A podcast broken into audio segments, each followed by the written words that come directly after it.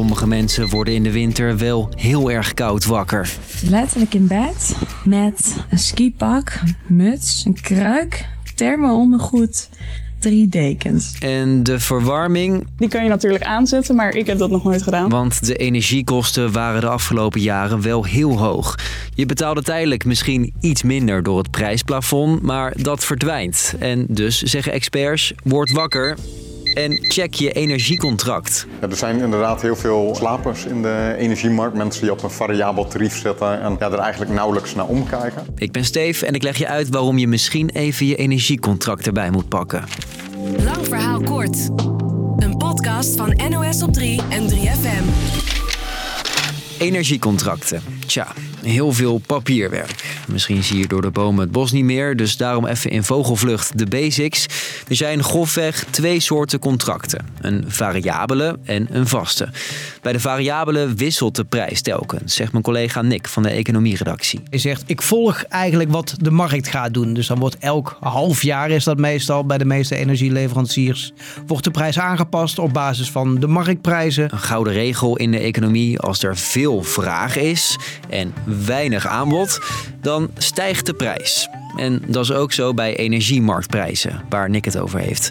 Bij een variabel contract kan de prijs dus omhoog schieten, in tegenstelling tot bij een vast contract. Ja, dan weet je zeker de komende jaar, twee jaar, drie jaar voor hoe lang je hem afsluit, betaal ik mijn energie voor deze prijs. Dus je legt hem vast. Welk contract je ook hebt, ze staan vol met voorwaarden, kleine lettertjes. Die niet allemaal heel interessant zijn om te lezen. Want het belangrijkste is toch wel, De prijs die jij de komende tijd gaat betalen. en die prijs is er gestegen de afgelopen twee jaar. Begon al na de coronacrisis.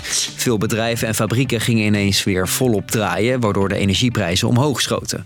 En toen kwam мною принято решение о проведении специальной военной операции. de oorlog in Oekraïne. Ja, Gas uit Rusland werd een no-go, dus moesten we het uit andere landen halen voor een hogere prijs. Op de markt waarin energie verhandeld wordt, daar eh, stegen de prijzen gigantisch. Echt eh, niet vertoond eerder. Zo kon je energierekening zomaar honderden euro's hoger zijn.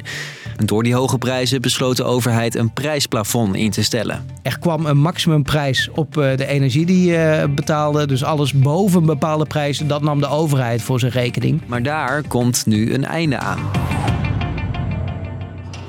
Ja, want terwijl jij straks op je oud en nieuw feestje uit je dak gaat, verdwijnt dat plafond. Die energieprijzen zijn flink gedaald de afgelopen maanden. Nog altijd wel duurder dan voor de oorlog en corona. Maar die hele gekke taferelen van tien keer zoveel betalen, dat zie je nu niet meer. En dus zegt de politiek dat prijsplafond is niet meer echt nodig.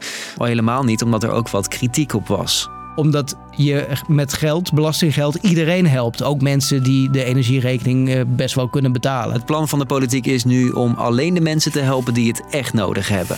Daar zijn nog wel potjes voor, ja. Die groep is alleen klein. Voor veel mensen is er straks geen steun meer. En voornamelijk voor mensen met een variabel contract, en dat zijn een hele hoop mensen, is dat slecht nieuws. En bij sommige aanbieders is die prijs op dit moment hoger dan dat prijsplafond. Dus je wordt nu nog geholpen door de overheid bij het betalen van je energierekening.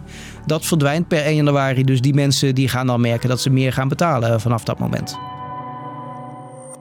Moeten we dan toch weer even al die papieren erbij halen? Ja, leg nu een vast contract af, zegt de ACM, een club met experts die de energiemarkt in de gaten houdt. Maar waarom? Voor consumenten voor wie zekerheid belangrijk is, adviseren wij een vast contract. Dan weet je waar je aan toe bent. En bovendien is de prijs nu dus best laag. De telefoon rinkelt al zo'n beetje continu bij energieleveranciers. Helemaal goed. Ja, we adviseren op dit moment om toch te kiezen voor één jaar. Ja, aan de telefoon het is eh, eh, enorm eh, druk. De meeste mensen kiezen nu voor één jaar vast. Ehm, ik denk dat ze daarmee ja, gewoon zekerheid willen eh, ja, de komende winter. Dan weet ik waar ik de komende drie jaar aan toe ben. Maar ook een vast contract blijft een gokje. Want misschien is over een maand of over twee maanden de prijs nog lager. En dan zeg jij tegen mij: Ja, Nick, jij zei dat het een goed moment was, maar dat is toch niet zo gebleken. Maar als je nu naar het verleden kijkt, dan is dit, lijkt dit een goed moment te zijn. Een vast contract kan je trouwens opzeggen, maar dan betaal je vaak een best flinke boete. Ja, het was dan beter geweest om drie maanden later dat contract te nemen. Maar ja, ook dat zou een gok zijn geweest. Het is gewoon niet te voorspellen. Dus, lang verhaal kort, door het prijsplafond betaalde je misschien minder energiekosten, maar dat plafond verdwijnt. Experts adviseren om een vast contract af te sluiten als je zekerheid wil. Maar goed, met enige zekerheidje is dat je nooit zeker weet dat je het goedkoopste uit bent. En dat wij elke doordeweekse dag een podcast hebben. Thanks voor het luisteren en tot de volgende. Doei!